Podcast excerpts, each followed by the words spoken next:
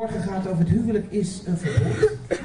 En vanmiddag gaan we het hebben over seks- seksualiteit. Dus als seksualiteit het beeld is van het verbod, en dat gaan we zo dadelijk zien, dan moet seksualiteit dus ook worden aangestuurd vanuit dat verbod. Nou, wat betekent verbod? Kort vertaald is, het gaat niet om mij, maar het gaat om jou. En de hele seksualiteit, de hele seksuele moraal van de tijd waarin we leven, is seksualiteit gaat om mij. En of dat nou is om uit seksualiteit bevestiging te halen, want dat is vaak de verleiding voor meisjes in de tienertijd, om eh, het idee te hebben dat ze iemand zijn doordat een jongen naar ze verlangt. Maar dat seksuele verlangen, daarvan kan ik je nu al zeggen, dat is zo oud als de wereld. Dat is alleen maar de lust van het oog. Maar dat heeft verder heel weinig met jou te maken.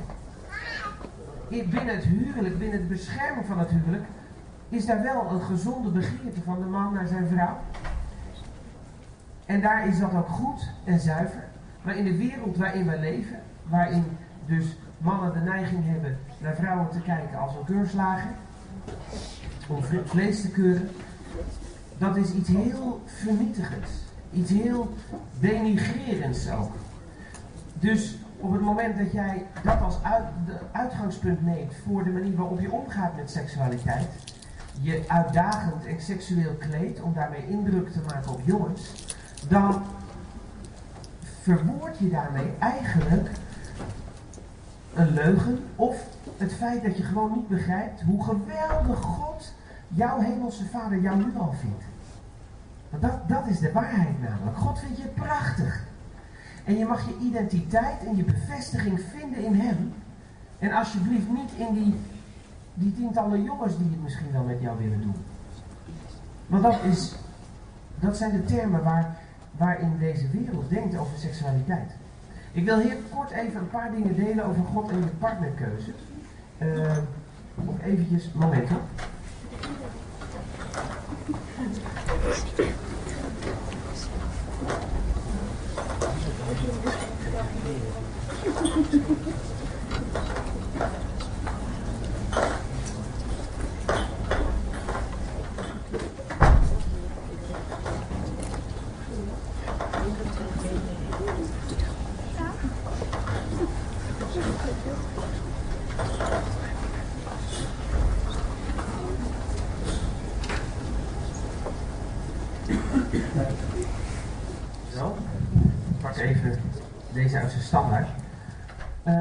In je leven zijn er drie belangrijkste keuzes. Dat is de keuze van een Heer. Uiteraard is dat de keuze van de Heer. De enige God die de hemel en aarde gemaakt heeft en die ook jou gemaakt heeft. Zijn hart gaat bij je uit en hij heeft je zo lief. Maar dat is, een, een van de belang, dat is de belangrijkste keuze die je kunt maken in je leven. Daarna is de keuze van een levenspartner absoluut de belangrijkste keuze, want daarmee deel je je hele leven. Dat, die gaat je leven lang mee, als het goed is. En als je aan het begin goed kiest, dan gaat hij ook je hele leven lang mee. Dat is het geweldige. Zo heeft God het ontworpen. En vertrouw hem nou dat hij echt beter weet dan jij. Want jij hebt als mens heel erg de neiging om af te gaan op je gevoel. En dat is ook de tijd waarin we leven. Een feel-good eh, society, een feel-good maatschappij. Van als het goed voelt, dan is het oké. Dat is ons postmoderne denken. Maar we moeten ons woord niet baseren op wat goed voelt, maar we moeten baseren, ons, ons leven baseren op Gods woord. Als je dat doet, dan kom je niet bedrogen uit. En ik kan je daar echt, ik kan je daar echt een geweldige getuigenis van geven. Mijn vrouw en ik hebben zo heel bewust onze keuze van een levenspartner onderworpen aan de Heer. Wat we zien is dat dan je leven een wending neemt waardoor, waardoor jouw leven een bron wordt van anderen om uit te drinken. Maar het mooie is dat als God anderen te drinken geeft door jouw leven heen, dan zorgt hij dus automatisch ook dat jij zelf altijd voldoende te drinken hebt. Dat is zo'n mooi principe. Als Gods leven door je heen stroomt, dan kan dat maar op één manier, namelijk door jou heen. Dus als jij deel wilt hebben aan het volle leven van God, ga dan uitdelen. Ga dan heel bewust kiezen je leven gevend te willen leven. Als jij er je partner daarvoor kiest, zul je merken dat Gods toevoegende kracht dan aan het werk gaat. En het houdt nooit meer op. Het wordt alleen maar meer. Weet je, toen wij net getrouwd waren, toen, uh, toen had ik uh, vanuit een tienertijd waarin pornografie uh, af en toe zo eens wel onderweg kwam. Wat dat betreft moet ik zeggen dat we nu in een nog veel moeilijker tijd leven dan toen ik tiener was. Toen was er nog nauwelijks internet en, en daardoor heel weinig toegang, tenzij je dat heel bewust opzocht, naar pornoboekjes enzovoorts. Terwijl momenteel de toegang naar pornografie eigenlijk overal is. Ook de, ook de, de, de tv-netten waren nog niet zo beveld als nu. We hebben vorige week natuurlijk een unicum gehad in Nederland, dat in ons publieke stelsel, in, in de, op de publieke zenders, op Nederland 3. Weet je wat dat is? Dat is dus jouw en mijn gebied. De publieke netten betekenen namelijk jouw en mijn terrein.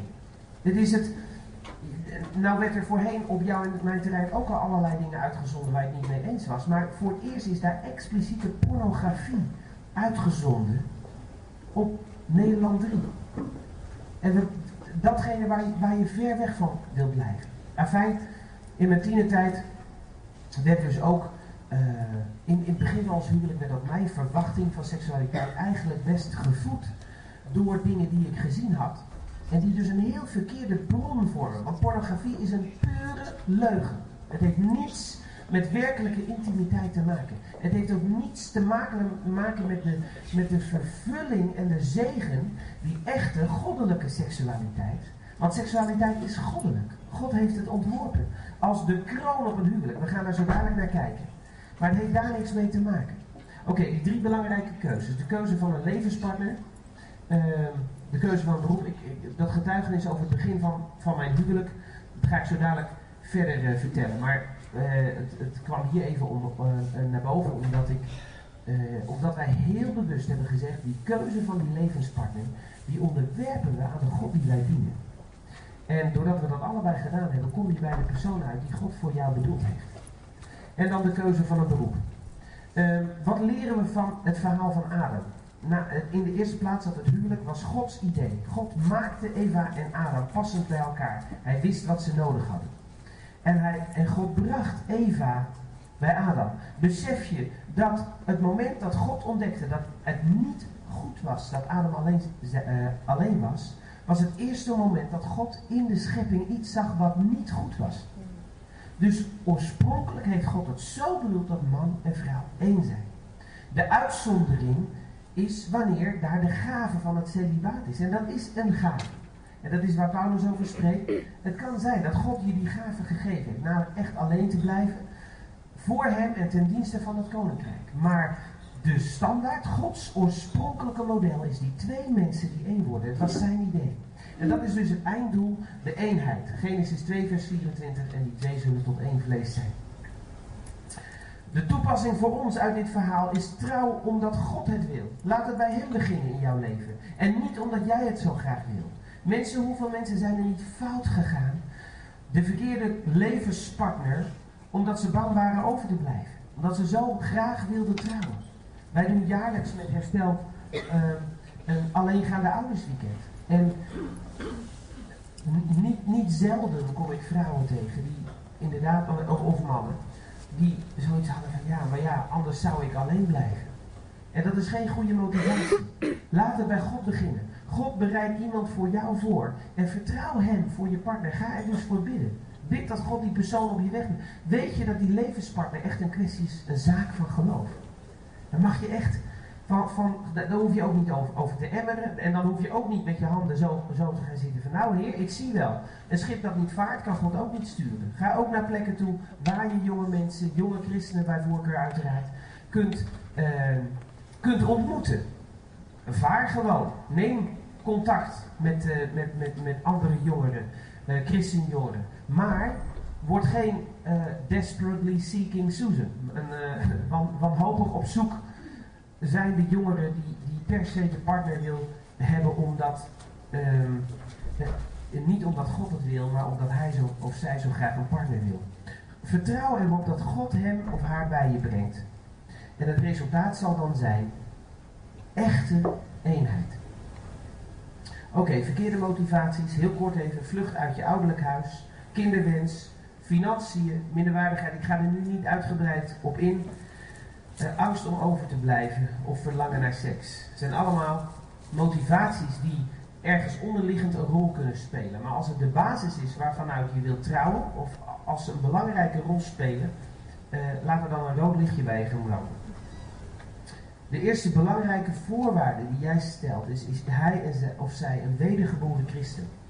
Uh, er was een uh, relatieonderzoek een paar jaar geleden van Eva. En daar was de trend onder christenjongeren dat eerst de liefde kwam en dan pas de vraag of die persoon ook geloofde. En dat is de wereld en de kerk. Derek Prins zegt erg, ergens, uh, een schip in zee is uh, prima en zoals dat bedoeld is, maar een zee in het schip, dat is niet de bedoeling. Nou, zo is het ook met de kerk. Uh, jij in deze wereld, dat is precies zoals God het bedoeld heeft, dat vaart een koers. Maar de wereld in jou, de wereld in de kerk, dat brengt de boel tot zinken. En dat is echt wat, waar we mee te maken hebben. Het is levensgevaarlijk. In 2 Korinthe 6 vers 14 die heel duidelijke waarschuwing. Vorm geen ongelijk span met ongelovigen. Want wat heeft gerechtigheid gemeen met wetteloosheid? Of welke gemeenschap heeft het licht met de duisternis? Nou wilde ik heel eventjes iemand um, vragen. Twee, twee jonge mensen. Hebben, hebben we een jong stelletje hier? Dat eventjes uh, model of nou, jullie, jullie twee, ik weet niet of jullie stelletje zijn, maar zouden jullie misschien heel even hier willen komen?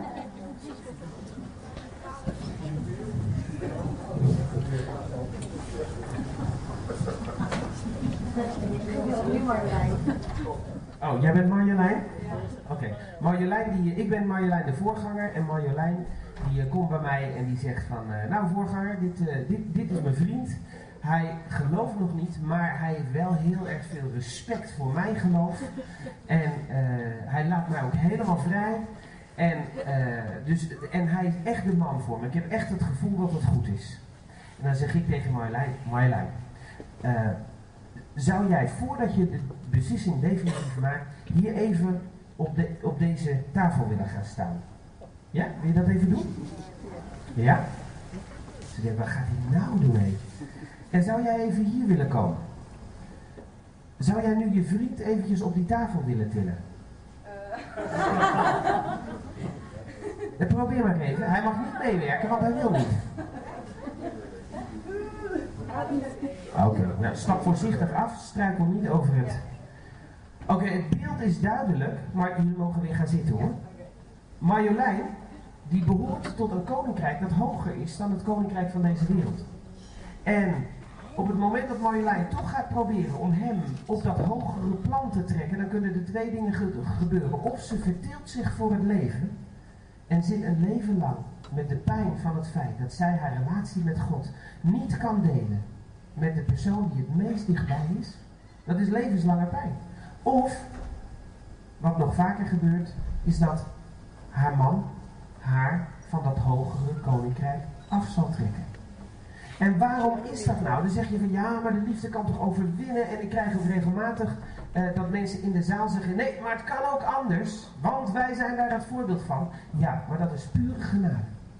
En dat is extra genade. Want je bent buiten het, de wet gegaan van het koninkrijk. En de wet van het koninkrijk is vorm geen span met een ongelovige. En natuurlijk, het kan dat God genadig is. Maar ik heb veel vaker voorbeelden gezien dat inderdaad vrouwen, met name vrouwen toch vaak, omdat daar vaak die angst, die onzekerheid heerst van ja, maar misschien blijf ik wel over. En dat ze zich voor het leven vertillen en voor het leven lang eigenlijk pijn oplopen, schade oplopen, omdat ze die verkeerde keuze maken. En mensen, het is het niet waard, alsjeblieft. Vier houdingen die, die fundamenteel zijn in het zoeken naar een partner, naar een levenspartner. Even kijken of ik voldoende ruimte. Moment hoor.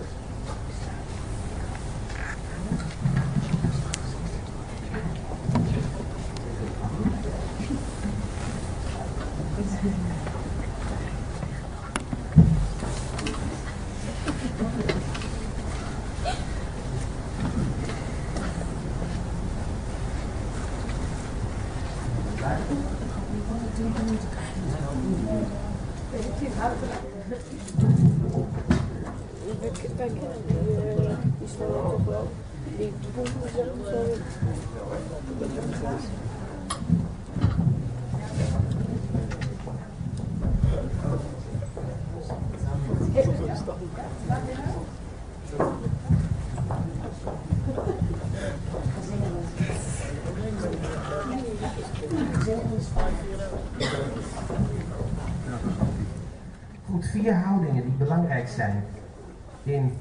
Oké, waarom geen ongelijk stand? Het meest kostbare wat je hebt kun je niet delen met degene van wie je het meeste houdt. Uh, andere waarden, leefstijl, meningen, opvoeding van je kinderen, ontrouw. Je komt het allemaal tegen, opvattingen ten aanzien van ontrouw.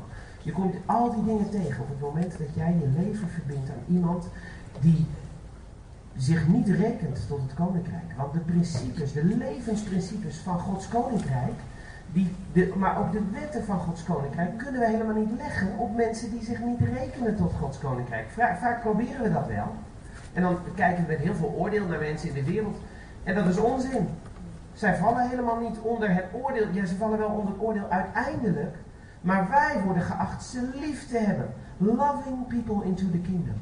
Maar vaak kijken wij heel veroordelend naar de mensen in de wereld. Maar ze kennen de wetten van het koninkrijk niet. Maar daarom zegt de Heer, verbind je er dus niet aan voor het leven. Want jij zeilt ook naar beneden. Met wetten die niet beantwoorden aan mijn koninkrijk. De pijn, wat dacht je daarvan? Van het zielenheil van je partner. Als je werkelijk gelooft dat een eeuwige realiteit is, dan kun je er toch niet mee leven dat de persoon op deze aarde van wie jij het meeste houdt, iemand is die uiteindelijk niet bij de Heer zal zijn. Het is zo belangrijk dat we deze dingen beseffen voordat we die keuze maken. Hij of zij bekeert zich nog wel. Weet je, God kan jou niet beschermen als jij jezelf door ongehoorzaamheid buiten de wetten, buiten de bescherming van zijn genade plaatst.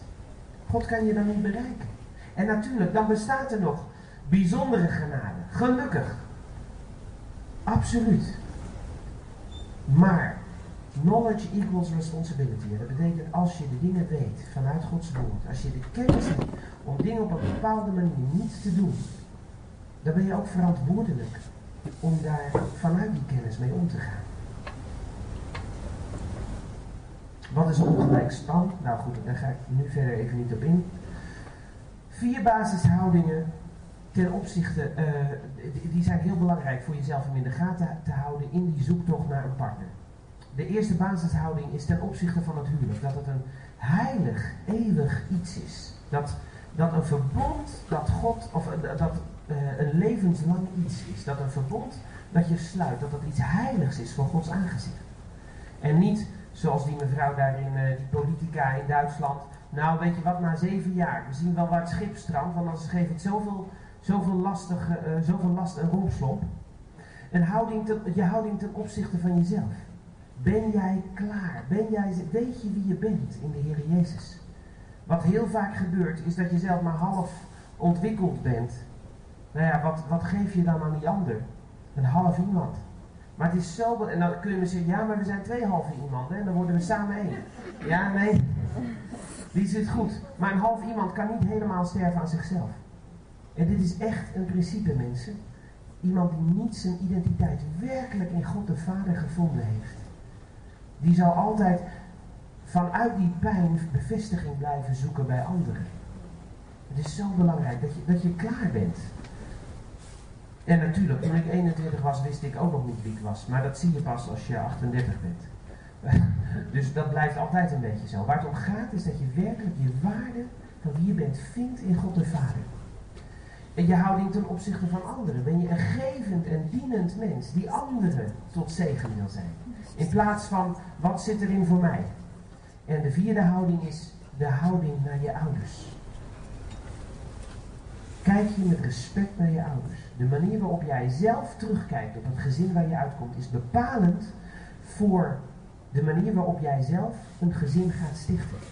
Wist je dat? Als ik een, als ik een seminar geef over opvoeding, dan zeg ik Um, de opvoeding van je kinderen begint 25 jaar voordat ze geboren worden. Oftewel, datgene wat jij zelf uit je opvoeding meekrijgt, speelt een rol, klinkt door in de opvoeding van jouw kinderen. En daarom is het zo belangrijk dat je, je houding naar je ouders er een is van vergeving, van respect, van zuiver. Dat heeft te maken met datgene wat jij aan je partner kunt geven. Anders ga je namelijk vanuit de pijn die je voelt naar je ouders dingen zoeken in je partner. Die, eh, dan, dan zou je een partner. Het, het, um, het vervormt namelijk jouw voorstelling, jouw beeld van datgene wat je, wat, wat je zoekt in die partner. Dan is die partner al heel gauw goed als hij maar niet lijkt op je vader of je moeder. Snap je? En daarom is het zo, zo belangrijk om die houding naar je ouders schoon te hebben. Dit zijn zulke kostbare principes, mensen. Oké, hier laat ik het bij. Dan gaan we gauw door naar het deel over seksualiteit. Wat is seksualiteit? Seksualiteit is in de eerste plaats. Oh, wacht.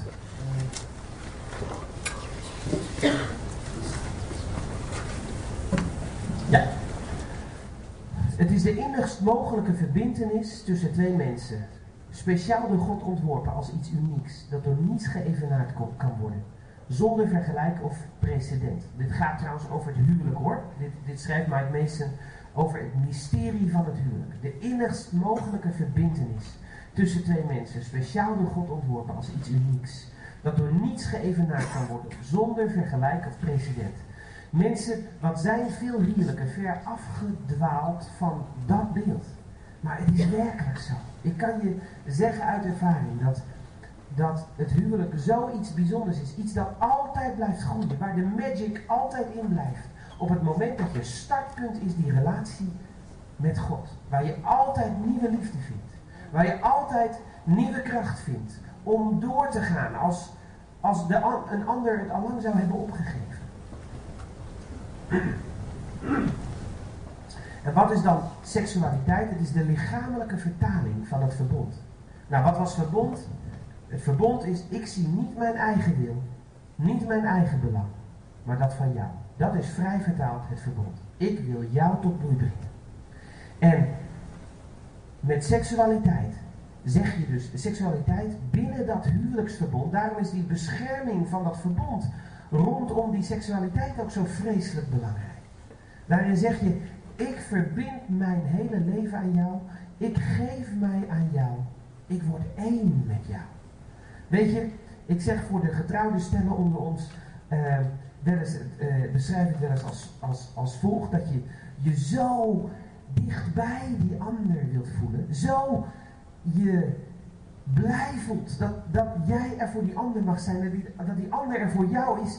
Dat je zo, zo gevoel hebt van ik zou wel in je willen kruipen.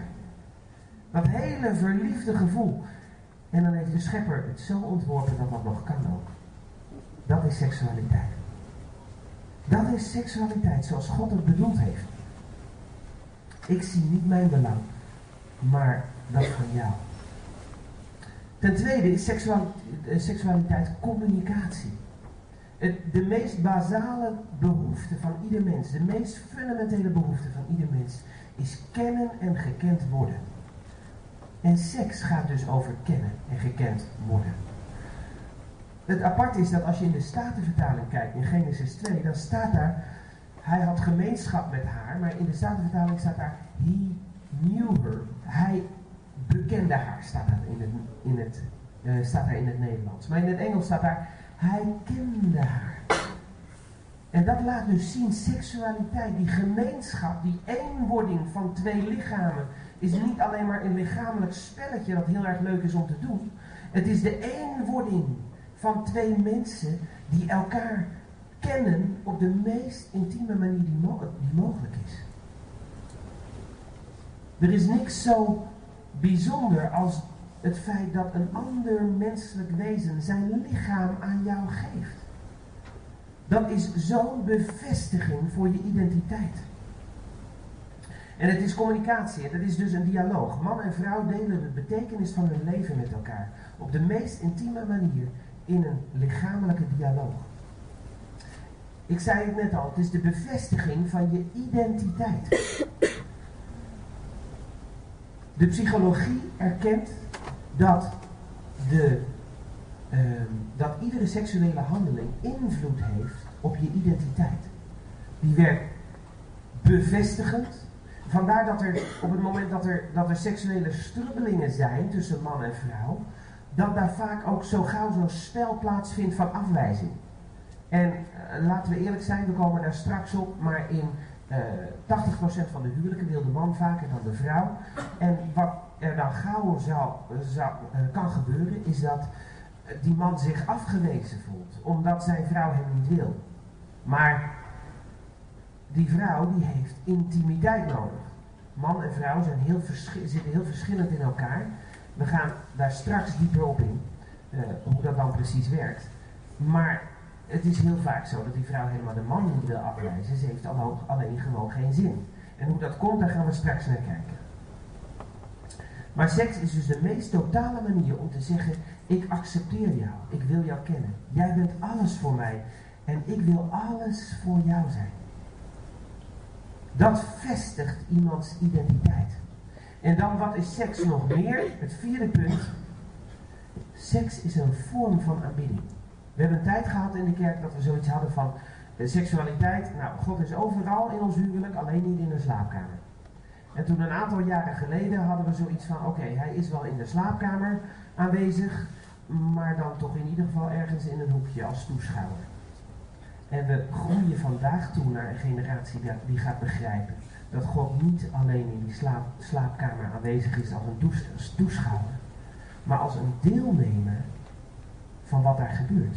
God is deel van onze seksualiteit. Als ik dit met als we nu Augustinus in de zaal zou hebben gehad, zouden hebben gehad, de kerkvader Augustinus zou die heel boos zijn weggelopen. Want Augustinus is degene die in de tweede eeuw na Christus, hij naast heel veel goede dingen als kerkvader, heeft hij uh, de scheiding aangebracht tussen het geestelijke en het aardse. En seks hoorde bij het aardse en was puur bedoeld voor voortplanting. En daardoor hebben we eeuwenlang in de kerk eigenlijk geleerd dat seksualiteit vooral niet fijn mag zijn. Met alle uitwassen die dat ook gegeven heeft. Want seksualiteit is een prachtig instrument dat God ontworpen heeft binnen de bescherming van het huwelijksverbond en als kroon op dat huwelijksverbond een viering van de eenheid tussen twee mensen waarin God verbonden is. Waarin God deelnemer is van dat drievoudige snoer. Hij is deel van dat huwelijksverbond. En zodoende is dus zuivere seksualiteit aanbidding voor God. Je kunt het ook uh, we, we, kwamen hierachter toen we, toen we uh, jaren geleden onderzoek deden naar hoe kan het nou toch, toen, uh, in, in die hele opkomst van bevrijding in Nederland een jaar of 15 geleden, dat het veel massaler erkend werd, de hele dienst van bevrijding. Ehm, toen, toen werd ook duidelijk dat er, dat er slachtoffers zijn van satanisch ritueel misbruik. Dus dan duik je daar een beetje in van wat is dat dan precies. En dan zie je dat heel veel vormen van aan, satansaanbidding zijn perverse vormen van seksualiteit.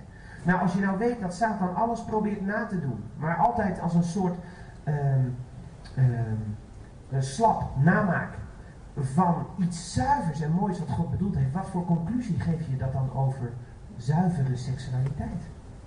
al allerlei perverse en onnatuurlijke en verkeerde vormen van seksualiteit aanbidding zijn voor Satan.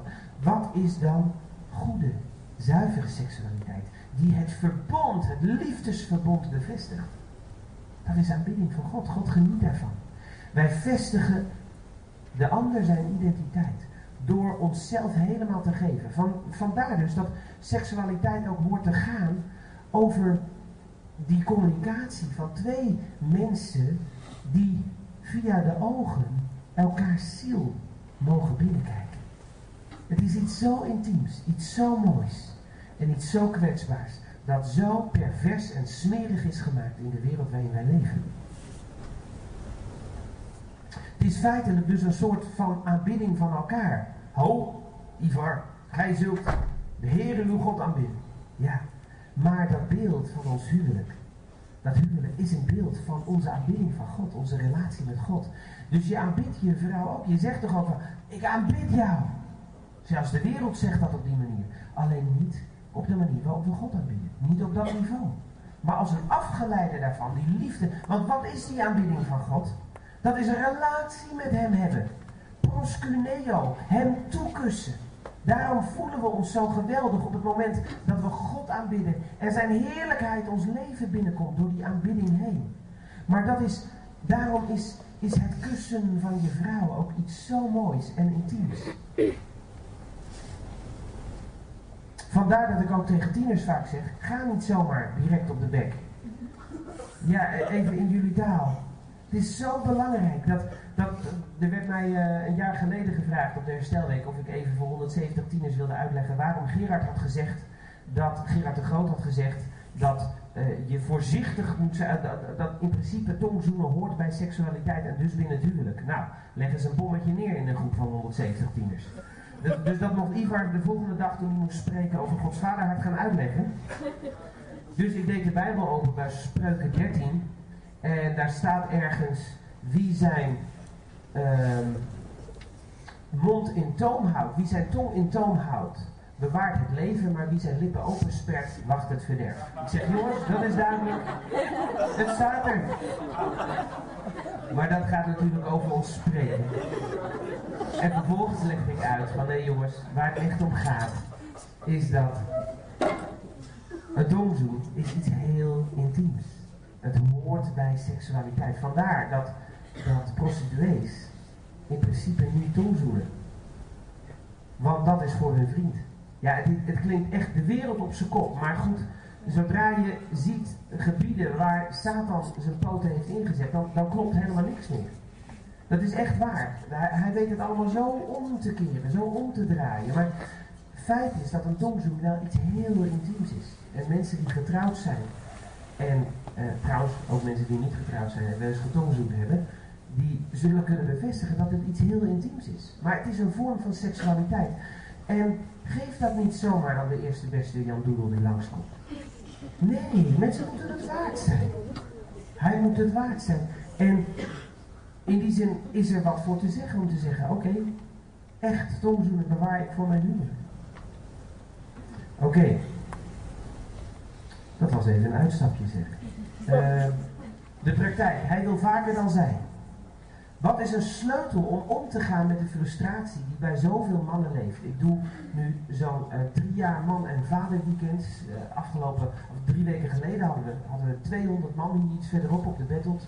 Die helemaal een weekend lang door de diepte van het verbond heen gingen. En die ik dan ook een uh, seminar geef over seksualiteit. En trouwens, dit jaar deed ik dat niet, maar in eerdere jaren wel. op de herstelweek en op een man- en vaderdag die we jaarlijks doen. Want bij zoveel mannen leeft ook in christelijke huwelijken frustratie. Nou, wat is nou de sleutel om daarmee om te gaan? Dat hij vaker wil dan zij. En dan zeg ik tegen die mannen: leer seksualiteit niet te zien als jouw behoefte. En mensen, ik heb hier tot diep in de nacht ook met mijn eigen vrouw over gediscussieerd. Ja, maar er is toch zoiets als gewoon simpelweg behoefte aan seks. Ja, dat is wat de wereld inderdaad ook voortdurend roept. Een elementaire menselijke behoefte. En het is ook waar. Alleen, ik heb het vervullen van die behoefte niet meer zelf in handen. Ik heb dat gegeven aan mijn vrouw. En dat betekent dus dat als ik in een huwelijksverbond sta en er weinig gebeurt in bed, bijvoorbeeld omdat er al een paar maanden uh, een verbouwing gaande is, dat ik niet met mijn vuist op tafel zeg, ja, maar we moeten daar toch over kunnen praten. En, want, want weet je, in, in de loop van tijd leer je op een gegeven moment ook dat seksualiteit, daar geniet je eigenlijk het meeste van als die ander geniet. Maar dat is een weg die je moet gaan van sterven aan jezelf. Dat is het huwelijksverbond in de praktijk. Dus de vraag is, is jouw seksualiteit jouw behoefte of is het jouw cadeau voor haar?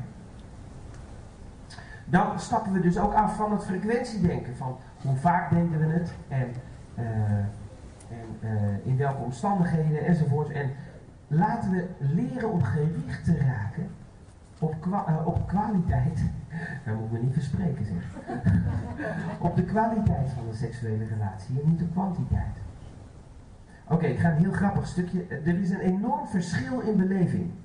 Ik moet, ik moet even terug naar mijn aantekeningen.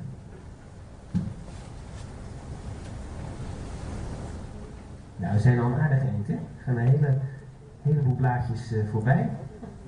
Even kijken.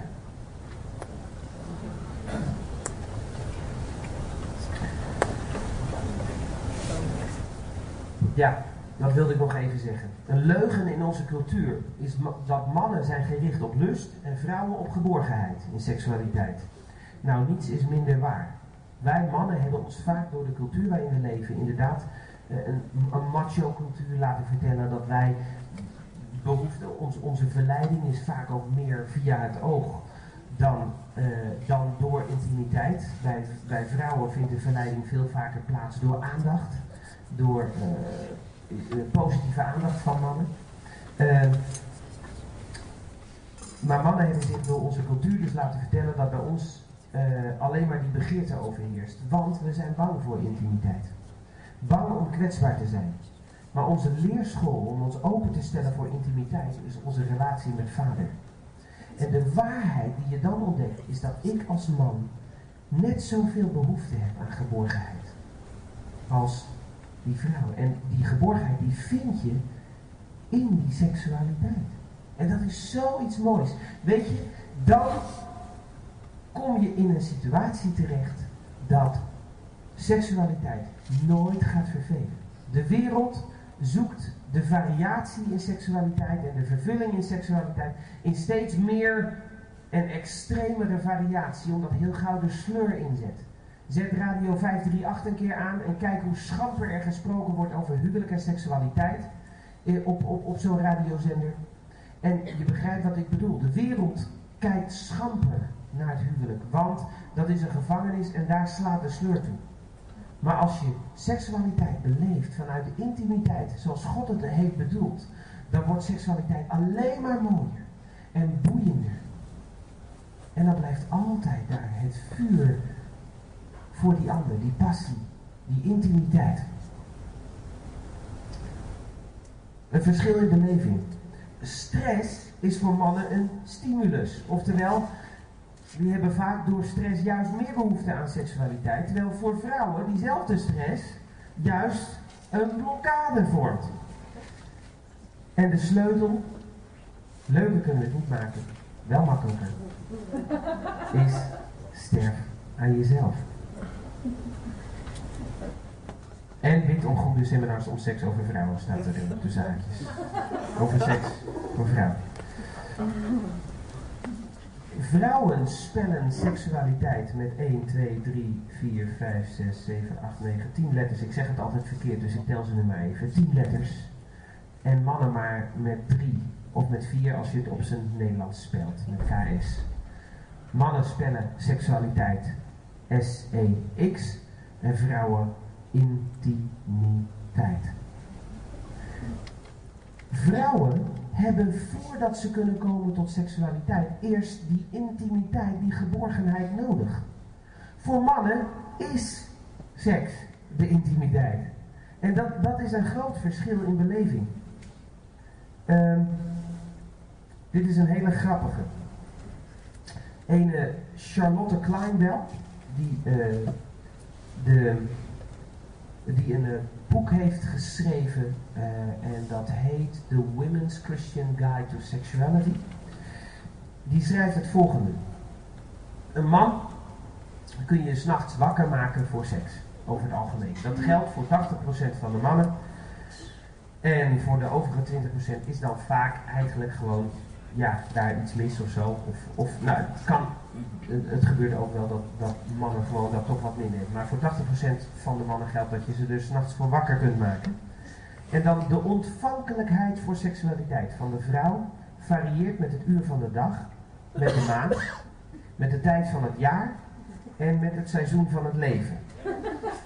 Ze wordt bovendien beïnvloed door hormonen, lichamelijke gezondheid, emotionele conditie, persoonlijke omstandigheid, de mate van drukte en stress, en door situatie die ze tegenkwam in de laatste tien minuten. En de laatste tien jaar. Soms kan een vrouw bijna automatisch zin krijgen door een fluisterwoord, een opgevangen blik, de geur van aftershave. Op andere momenten echter is het resultaat van uitvoerige, langdurige streling en liefkozing 0,0.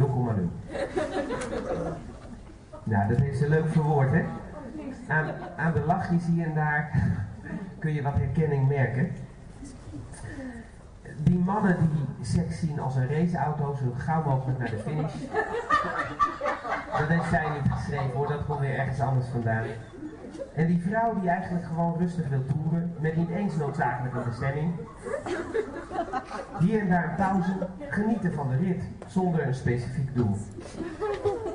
Het is belangrijk en het helpt ook erg voor mannen om te begrijpen dat zijn vrouw letterlijk niet kan reageren zoals hij en zij, en zij zouden willen. Want hij denkt altijd, zij wil niet. Maar zij wil best, zij wil best willen. Alleen zij kan niet willen. En zij, dat kan gebeuren, ja. Maar ja, hoe vaak is het in de kerkgeschiedenis niet gebeurd dat we dan komen aanzeilen met 1 Korinthe 7, onthoud het elkander niet. Ik geloof dat dat bijbelgedeelte gaat over structurele onthouding. Want laten we eerlijk zijn, er is mee gemanipuleerd.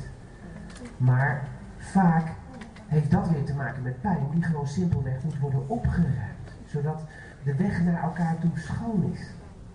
En zuiver.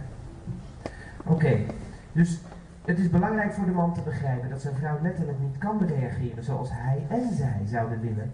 Als haar gevoelens gekwetst zijn, als het huis is, of als er veel dingen zijn die haar bezighouden. Nou, dat is dus echt een uitdaging. Als je een heel druk leven hebt, met veel kinderen, een drukke baan, ook nog oudste bent in gemeente, kan ik je vertellen dat er heel veel is wat je bezighoudt. En dan kan je eigenlijk de keren niet tellen dat je s'avonds, we hebben nu geen hond meer, maar dat je dat laatste rondje even doet met de hond in het park. En dat je heel bewust tegen jezelf moet zeggen, Heer, dank u wel. Ik heb niet seks nodig, ook al heb ik eigenlijk wel ergens in, maar ik heb u nodig. En ik stap nu al heel bewust af want waarschijnlijk is er zoveel wat mijn vrouw bezighoudt. Ik ben even heel kwetsbaar over, want zo, dit is hoe het leven werkt, mensen. Het is zo belangrijk dat we leren om eerlijk te zijn over deze dingen. Dan leren we er ook beter mee omgaan. En nou ben ik heus niet een of andere held die dit altijd lukt. Nou, ik heb vandaag ook genoeg laten zien van mezelf om eerlijk te zijn over het feit dat ik uh, ook gewoon een mens ben. En dat dat soms hartstikke moeilijk is om af te stappen. Voor een man betekent geven vaak, want heel vaak heeft de man dan zoiets van, ja, ik wil best geven, als het gaat om seksualiteit, maar ja, zij wil niet ontvangen.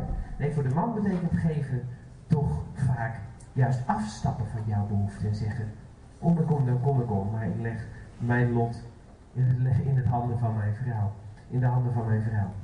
En ik bid God dat Hij me laat zien dat ten diepste mijn hunkering niet is seksualiteit, maar mijn hunkering is bij Hem zijn.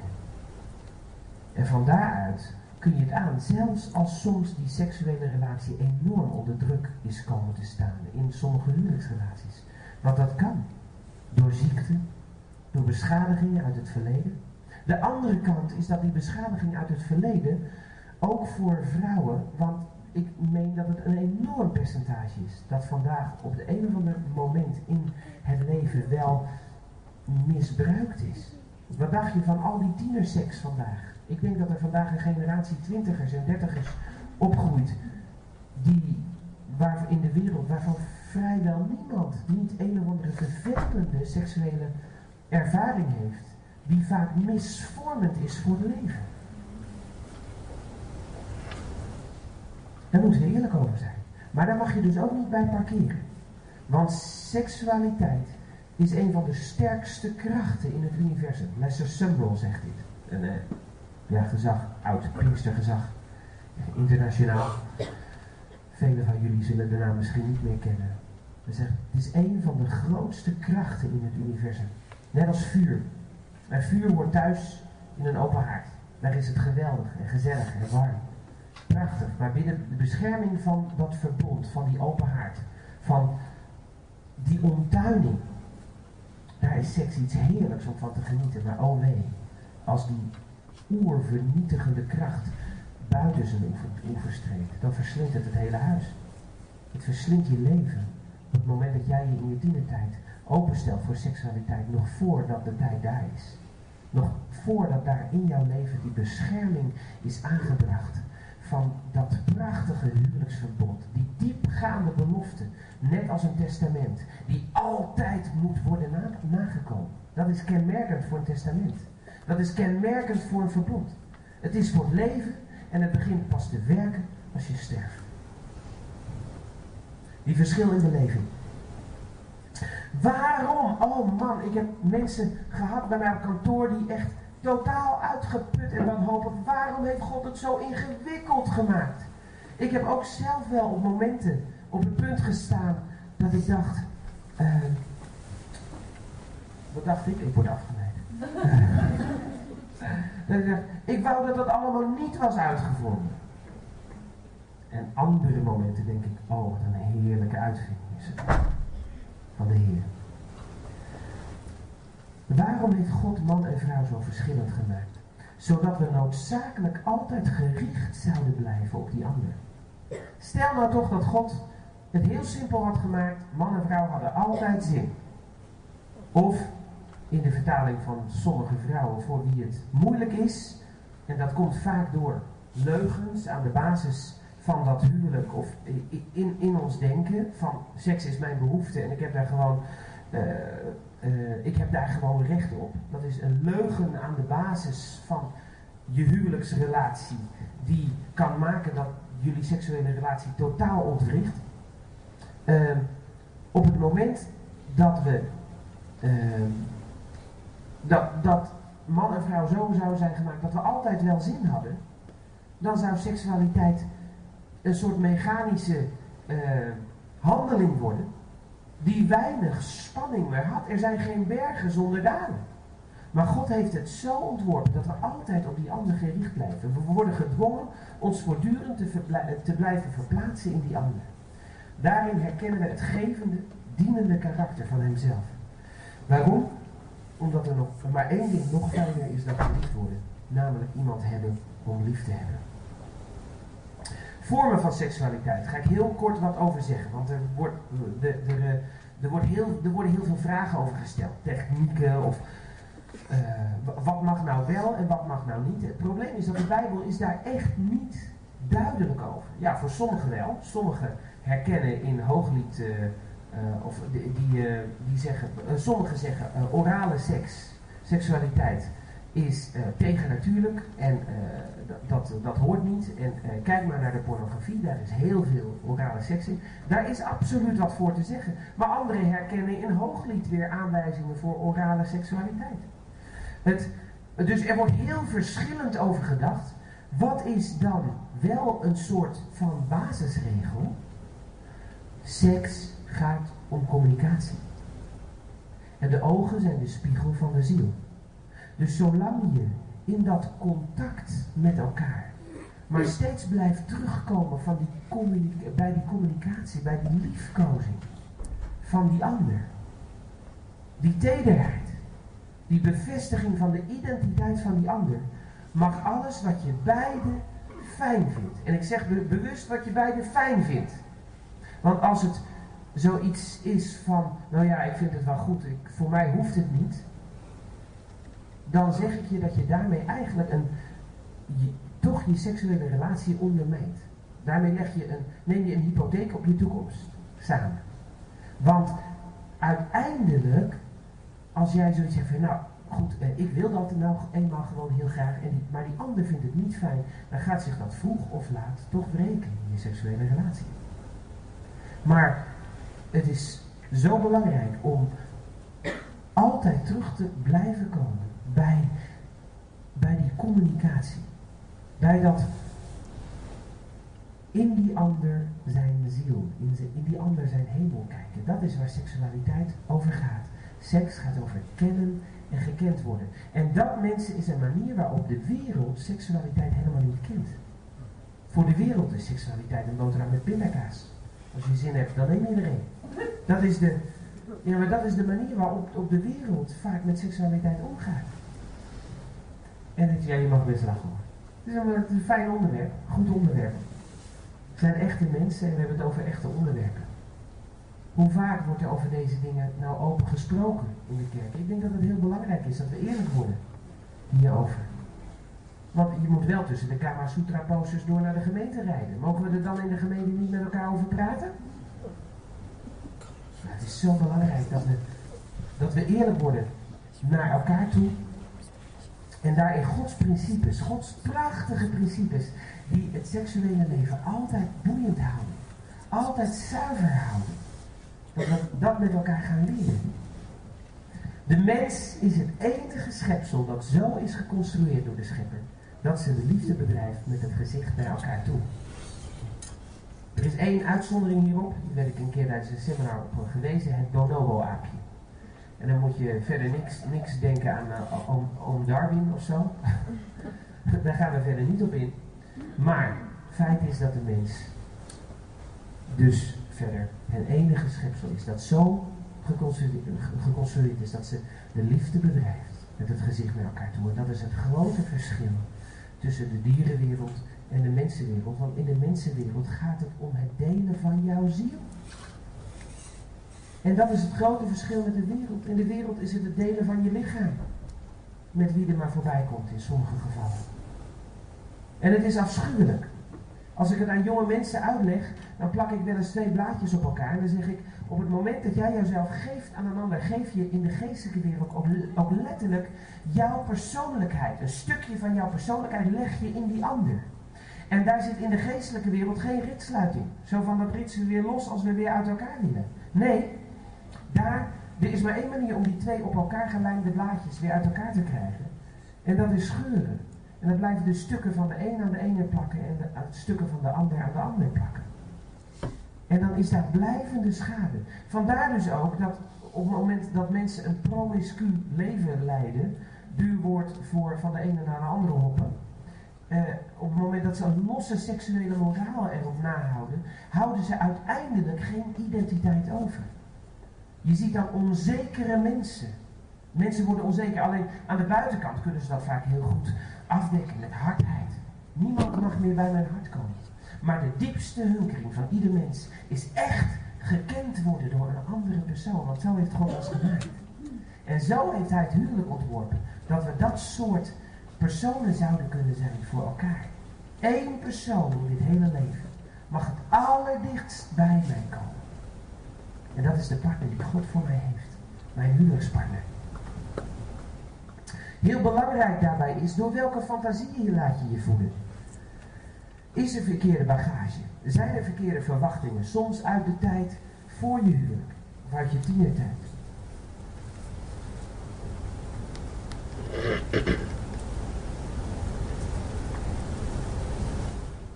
Seksualiteit is een belangrijke lichamelijke, lichamelijke vertaling van het huwelijksverbond. En daarom kun je niet zeggen, ach, nou weet je, bij ons werkt het niet, laat nou maar zitten. Allebei heb je de verantwoordelijkheid om te doen wat jij kunt doen. Te zoeken wat jij kunt veranderen. Om jouw seksualiteit weer aan te bieden als een geschenk aan die ander. Zo heeft God het bedoeld. En juist omdat het zo'n sterke kracht is, zal anders die seksualiteit, die sterke kracht, toch een ontwrichtend werk kunnen doen. Vroeg of laat kan dat eruit komen in, in ontrouw, zoals we in onze gemeente meemaakten van de week. Verschrikkelijk. Ik loop dan een, een dag met buikpijn. Wat verschrikkelijk. Weer een vrouw van, van, van, van begin 50 die verlaten is door haar man. En dan denk ik, oh, ik denk de meest lelijke woorden wel hoor die man. Sorry. Ik, ik schaam me soms dat ik een win ben. Als je hoort wat, wat mensen wordt aangedaan. En dan ook nog met modder van gooien. Ja, het komt door haar. Jarenlang van een liefdeloos huwelijk. Jij had dan op je plek moeten zijn als kerel. Want de liefde in je huwelijk is jouw eerste plek als man. Het is een leugen. Dat dat En natuurlijk, er zullen heus dingen. Zij ook mens. Zij zal ook fouten hebben gemaakt. Absoluut. Maar het is zo belangrijk dat, dat, dat wij als mannen, ik richt me nu even tot de mannen, voorop gaan in het dienen van die ander, die ander tot bloei brengen. Zodat die vrouw ook een gevend leven kan leven.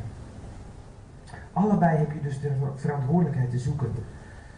Wat jij kunt veranderen om je seksualiteit weer aan te bieden als een geschenk aan die ander. En voor sommigen kan dit ook betekenen stoppen met geheime fantasieën. Mannen, heel kort nog even. En vrouwen tegenwoordig, want op de herstelweek in de tienerdienst komen bijna net zoveel meisjes als jongens naar voren. Die willen breken met verslaving aan pornografie.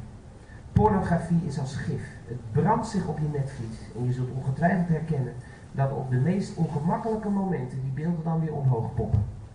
Juist bijvoorbeeld op zondag als je de Heer staat aanbidden. Nou zie dat dan maar als de Heilige Geest die zegt van oké, eh, lieve schat, dit was er nog tussen jou en mij in. En dan zeg je gewoon tegen de Heer, Heer, hier is het. Het is niet veel wat ik u heb aan te bieden. Het zijn de puinhopen van iemand die het weer eens eigenwijs zelf probeerde. Maar wilt u het aannemen als mijn offer van aanbidding voor u? Deze vuiligheid, ik wil er af, Heer, ik wil het niet meer. De offerande gods, de volmaakte aanbidding, is een verbroken en verbrijzeld hart, zegt Psalm 51. Een, een, hart dat zichzelf helemaal aan God geeft. Een hart dat beleidt. Als er dingen zijn tussen jou en God. En mannen, we leven in een rondheid wat dat betreft. Waarin, waarin pornografie alom is. Waarin er voortdurend seksuele boodschappen op ons worden, worden, eh, worden afgevuurd. Weet je, naarmate ik vaker over dit, dit onderwerp ben gaan onderwijs geven, merk ik ook dat zelfs bij, bij veel gewone films kun je gewoon al, echt niet meer blijven zitten zonder dat dat iets verkeerds met je doet. We leven in een tijd waarin er zoveel vuiligheid is. En daar kunnen we twee dingen mee doen. We, we kunnen zeggen oh, wat een vuile wereld toch. En we houden ons daar heel ver van. Of we kunnen daar middenin gaan staan vanuit de Heilige Geest en zeggen, Heer, wilt u me leiden? Wilt u mijn ogen beschermen? Ik wend me af als ik verkeerde dingen zie. Maar laten we alsjeblieft niet rigide en wettisch worden. Maar laten we ons laten leiden door de Heilige Geest. Zeggen, Heer, ik wil aan uw hand gaan in dit leven. En ik wil mijn ogen zuiver bewaren. Wilt u mij helpen daarbij? Maar dat is niet alles. Als het zo is dat je vastzit in een patroon van pornografie, van regelmatig die, die verkeerde dingen opzoeken op internet. Mijn ervaring is dat je daar in je eentje niet uitkomt. Mijn droom is dat er in elke gemeente mannengroepen gaan ontstaan. Van mannen die elkaar gewoon gaan zonder beleiden. Ik zelf ben een man die nog steeds, en waarschijnlijk tot, uh, tot ver in mijn uh, tachtigers, zal uh, leven in wat de Engelsen noemen accountability. Ik heb mensen in mijn leven, leiders, die ik sleutels geef van joh, dit en dat is voor mij een zwakte. Wil je me daarnaar vragen? Waarom? Omdat we aan elkaar geroepen zijn. Uh, of omdat we aan elkaar gegeven zijn in het lichaam van Christus. Om met elkaar in discipelschap te wandelen. Als volgers van Hem. En weet je, het beleiden van het feit dat je zondig bent, is niet zwak. Het is juist sterk. Het is die zwakte waar God sterk in kan worden. En dan kan je op je benen zitten. Mannen, als je mij een jaar of wat geleden had gezegd dat ik ooit zou vrijkomen. Ik, ik dacht dus heel lang van nou, die zonde van zelfbevrediging bijvoorbeeld. Hè? Waarom is dat zonde? Nou, ik zeg vaak, er wordt ook daar heel verschillend over gedacht in de christelijke wereld. En ik zeg, het is in ieder geval zonde in de zin van jammer. Want het is seksualiteit zonder de boodschap, ik hou van jou. Ja, of het zou moeten zijn, ik hou zo van mezelf. Maar het is seksualiteit uit de context van hoe God het heeft bedoeld. Namelijk dat cadeau aan die ander. Vandaar dat zelfbevrediging je vaak ook zo leeg en beschaamd achterlaat. Tegelijkertijd is zelfbevrediging vaak een veel grotere, het schuldgevoel over zelfbevrediging, vaak een veel grotere barrière tussen jou en God dan die zonde zelf. Dat schuldgevoel, waar God zonde ziet, ziet hij niet automatisch schuld.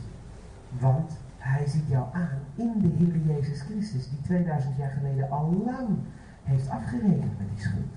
Als hij jou ziet, ziet hij de Heer Jezus.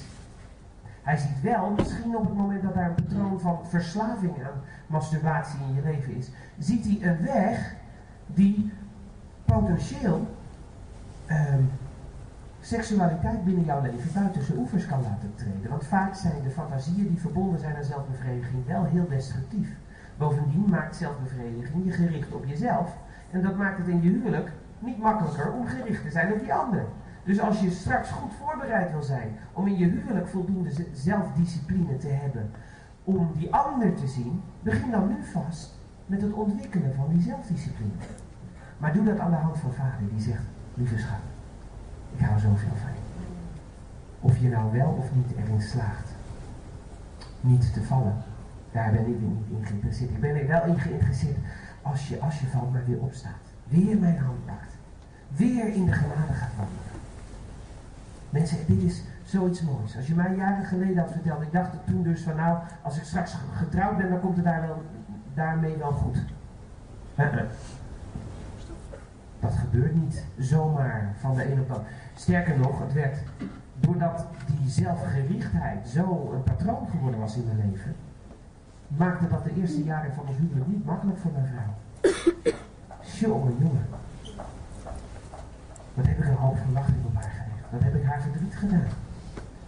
En het is zo goed om de hand van God te geven en zeggen, Heer, ik wil samen met u overwinning halen. Als u mij dit dus een aantal jaar geleden verteld had, had ik je niet geloofd. Ik kan vandaag hier nu getuigen dat totale vrijheid van zelfbevrediging is mogelijk. Zuiver leven is mogelijk. We leven in een tijd dat er steeds meer reine, heilige mannen op gaan staan. Die als priesters in hun gezin staan. Vanuit relatie met God.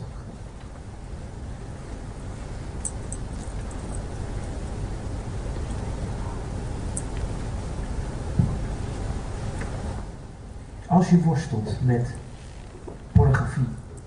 zorg dus dat je iemand in je leven hebt. De, het eerste wat je doet is de zogenaamde will-based solutions, de beslissing gebaseerd op, op, je wil. Oftewel, als je kabel je verleidt, tot zonde, ruk hem uit. Ja? Je, de kabel van je tv staat in de Bijbel. Het elektronische oog, als je ogen verleidt tot zonde, ruk hem uit. Oftewel, snij de toegang af naar dingen die jou gemakkelijk in verleiding brengen. Maar dat kan voor een ander de Hunkemuller folder zijn, met de lingerie erin en zo. Ja, dat kan als je weet dat dat iets is wat bij jou verlangens opwekt. Die niet uitgaan bij jouw vrouw. En sowieso, meestal, tenzij je vrouw in die folder staat, dat zou ook kunnen. Misschien is dat de enige uitzondering die ik moet maken hier. Maar dan moet je weer niet naar die andere vrouwen kijken die er ook in staan. Dus het is allemaal heel gecompliceerd.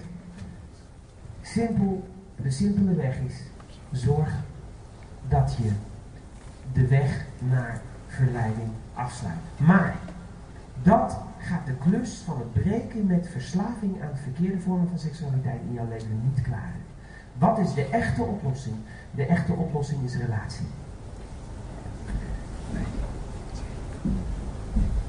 Even kijken hoor. Uh,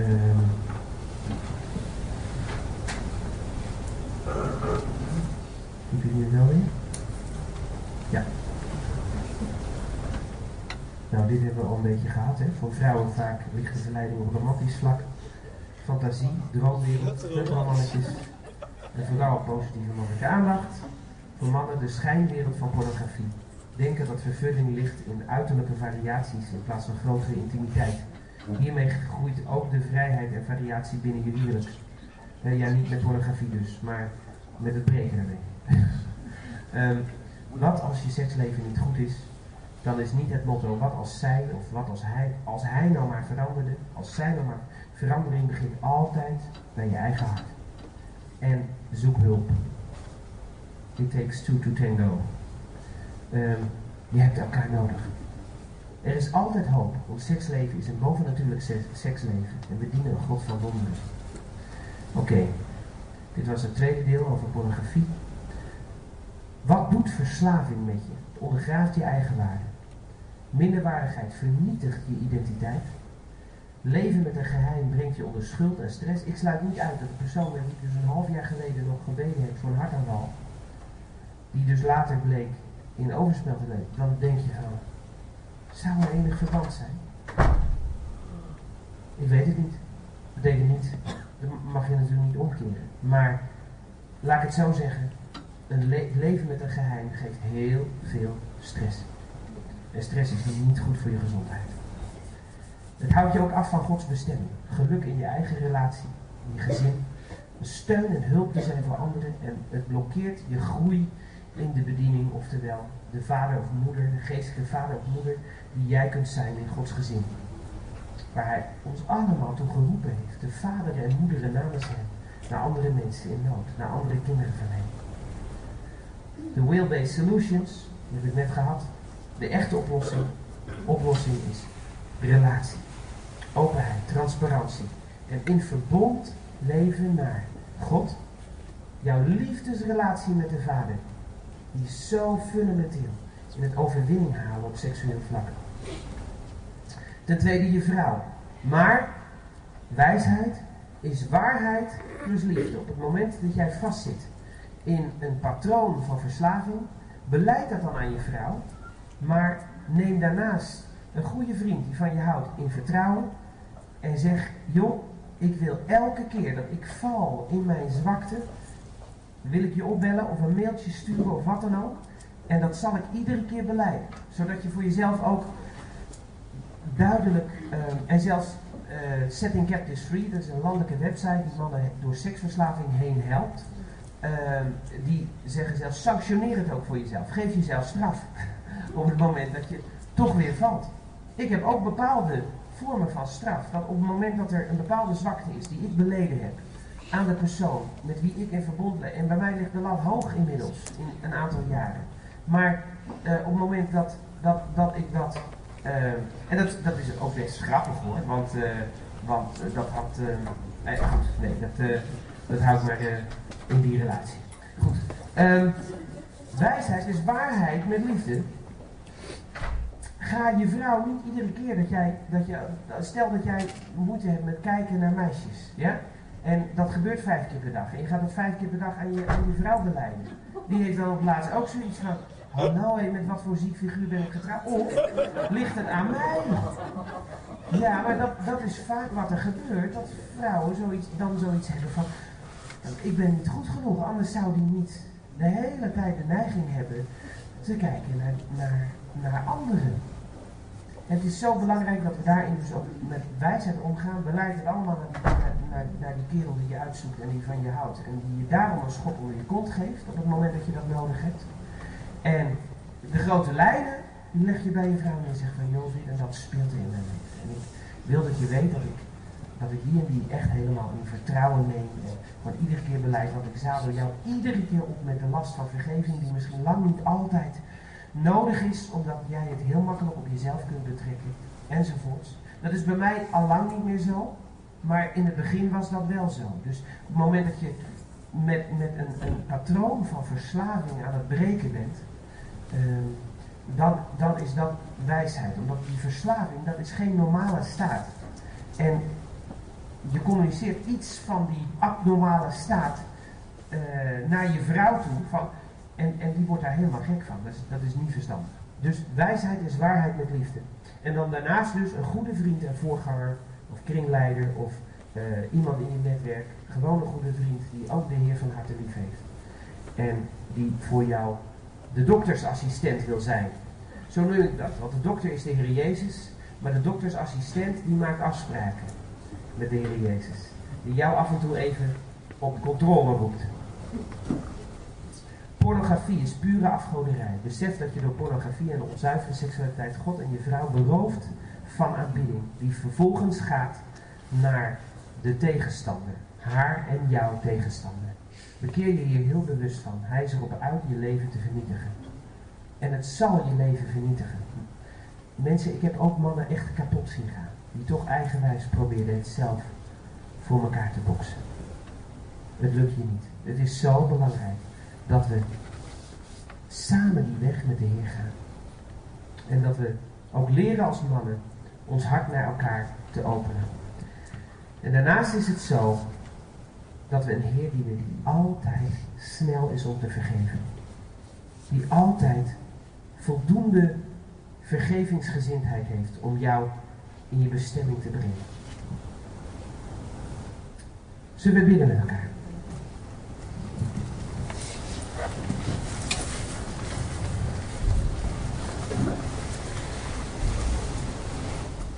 Lieve Hemelse Vader, we hebben vandaag heel veel gehoord Dank u wel. Dank u wel voor de pracht van het huwelijksverbond. Dank u voor uw geweldige liefde voor ons, die we aan elkaar mogen doorgeven.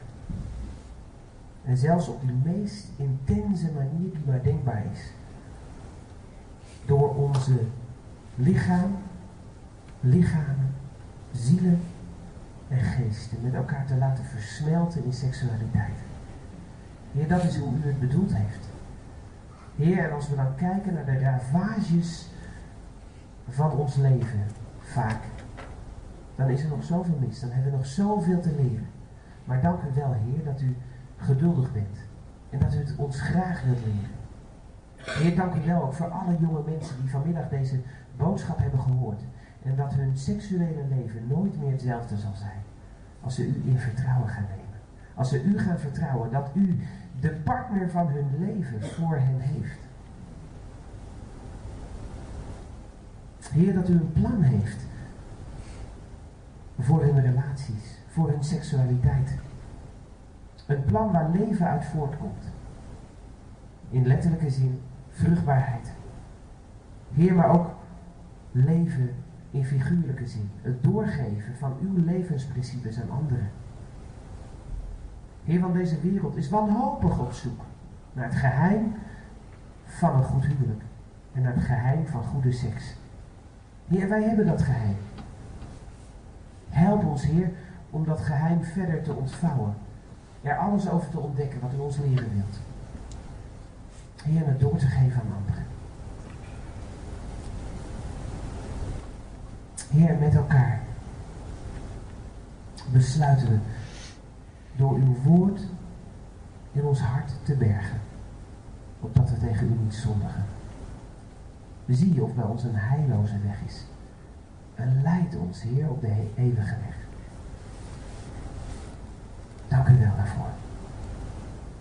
Dank u wel. Amen.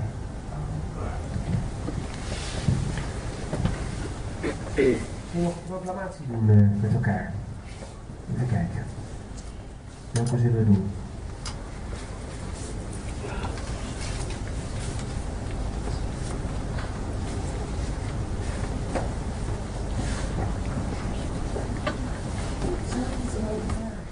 Ja, natuurlijk. Ja, sowieso.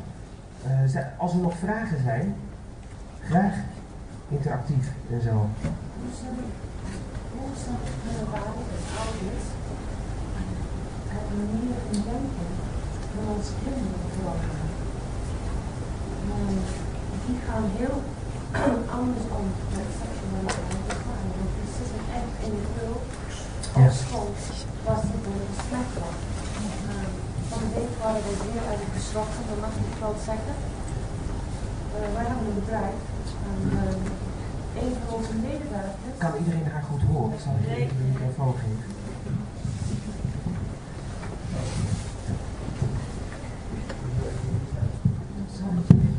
Ik had een vraag van, als ouders zijn, hoe kunnen wij onze kinderen beïnvloeden? Of anders is hoe ze nu beïnvloed zijn op school, uh, door de televisie, uh, zelfs op NTV. Alle dingen wat je denkt goed zijn, heeft allemaal met seks mee te maken, veel te vrij in. En van de week hebben wij iets meegemaakt. Uh, dus wij hebben een eigen bedrijf. En we hebben iemand aan het straten voor een bedrijf. En die was klaar aan het eind van de dag. En het was mooi gerijd, dat wil zeggen dat de grond helemaal legaal was. Maar hij moest een stijgerplank hebben, wou hij dat over dat weggetje leggen. Dat uh, mensen dan kon lopen, dat hij zelf volgende dag met stenen leggen kon hij erop lopen. En op de overkant van de straat zag hij een bouwplaats. bij elke bouwplaats hebben ze stijgerplanken natuurlijk. Zo hij liep daar en hij zag iemand, maar daar was een, uh, een waar ze koffie drinken en zo. Nou, die zag licht daar branden. Zo die loopt naar binnen en wat zag hij voor zijn ogen? Waren twee mannen. De een man stond en de andere op zijn knieën voor hem. Nou, ik hoef niks te zeggen, dan weet je wat ze aan het doen waren. En Richard vertelde dat tegen ons. En ik was echt zo geschrokken dat dat gebeurt. Terwijl mijn oudste dochter zegt, van onze oudste dochter zegt van, jullie zijn ouderwets. Dat is heel normaal. Dat mensen dat doen. En ik zeg, maar dit heeft niks mee te maken met liefde. Wij brengen jou anders op. Maar het, het lijkt mij echt dat de heel, alle kinderen zijn zo dat het is gewoon normaal wat ze zien op de televisie en wat ze zien op de internet. Overal wat je leest in de magazines, het gaat hier over. En als wij zeggen onze mening, niet alleen onze mening, maar het woord van God, dan zijn we allemaal En we hebben hier allemaal, als die, ouders onder ons, hebben hier allemaal mee te maken. En dat is mijn vraag. Hoe brengen wij dit goed aan de kinderen over? Ja, uh, hoe lang heb je? Want dit is, dit is natuurlijk een, dit is een heel reëel probleem. Um, de leugen regeert. Uh, dat is waar. Ik zou met ze in gesprek gaan. Want wat, wat we kunnen doen is daar midden in die, in die woelige tijd van die tienertijd de paal van de wet neerzetten. Midden in de branding. Maar dan wordt die tiener met zijn hoofd tegenaan gesmeten door de ene golf. En door de volgende golf wordt hij, hij kan zich net een beetje vastklampen aan die wet. En uh, met de volgende wordt hij weer van afgesmeten. En dan daar uh, vervolgens uh, weer tegenaan geknald. het is de kunst als christenouders om in de woelige tienertijd te zijn als een boei.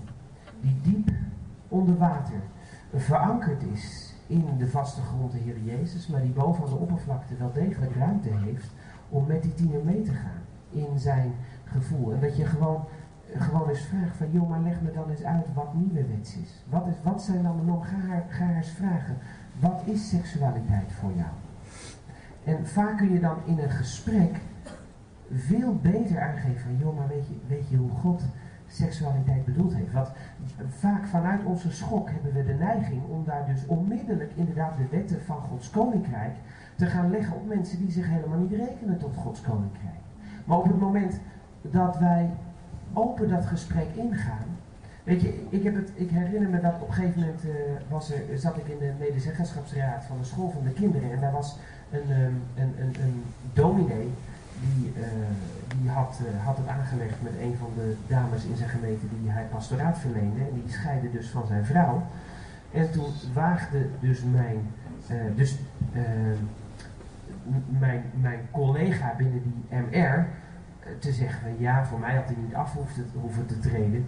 Want, maar ja, het is, er is zoveel geëmmer omheen geweest in de gemeente. Dus ja, nou ja, nou moet hij wel. En hij zegt, maar ja, ik, ik vind verder, uh, je moet een beetje met je tijd meegaan. Dit hoort er gewoon bij, dat relaties beëindigd worden. En ik zei dus van deze man, die is voor mij gevallen voor alles waar hij voor gestaan heeft. Want waar hij voor staat is de verbondstrouw van God aan ons. En zijn aardse, zijn, zijn beeld hier op aarde van het verbond dat hij heeft, dat, dat verkwanselt hij. Dat gooit hij gewoon in de vuilnisbak. Maar we, kwamen dus, uh, hij zegt van ja, nou ja, dan denk je zeker ook ouderwets over homoseksualiteit. Hij noemde ook het woord ouderwets. Ik zeg, leg mij nou eens uit wat nieuwerwets is. Zeg, want 50 jaar geleden zeiden we met elkaar, van homoseksualiteit is tegen natuurlijk. Maar inmiddels zijn we 50 jaar verder. En we vinden homoseksualiteit normaal en geaccepteerd. Dat hoort er gewoon bij, want seks is een elementaire menselijke behoefte. En als je nou eenmaal zo geaard bent, dan is dat nou eenmaal zo. Terwijl ik geloof dat heel veel van de homoseksualiteit cultureel is gekomen door vaderloosheid. En op het moment dat jij in onze tijd van gebroken beloftes het twee, drie keer bij het andere geslacht hebt geprobeerd, dan komt er vanzelf een moment dat deze cultuur tegen jou zegt van joh, misschien ligt het wel aan jou. Misschien moet je het gewoon eens proberen met je eigen geslacht. En ja hoor, inderdaad, die andere man blijkt eigenlijk dezelfde opvattingen te hebben. Zelfgerichte opvattingen over seksualiteit als die jij hebt. Dus, nou ja, dat past heel veel beter bij elkaar. Het leven is een beetje geven en nemen. En zo komen we terecht in een cultuur die totaal de weg is kwijtgeraakt.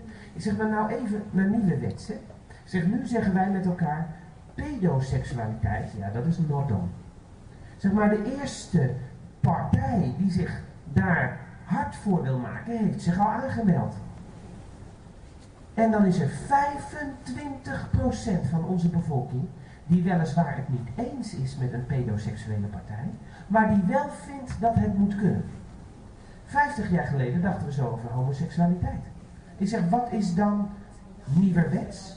Misschien zijn wij over 50 jaar wel ouderwets als wij vinden dat pedoseksualiteit niet, niet kan. Ik zeg, leg mij uit wat het verschil is. En dus, dus dan, dan heb je een verhaal waarin je kunt zeggen van, weet je, er is zoiets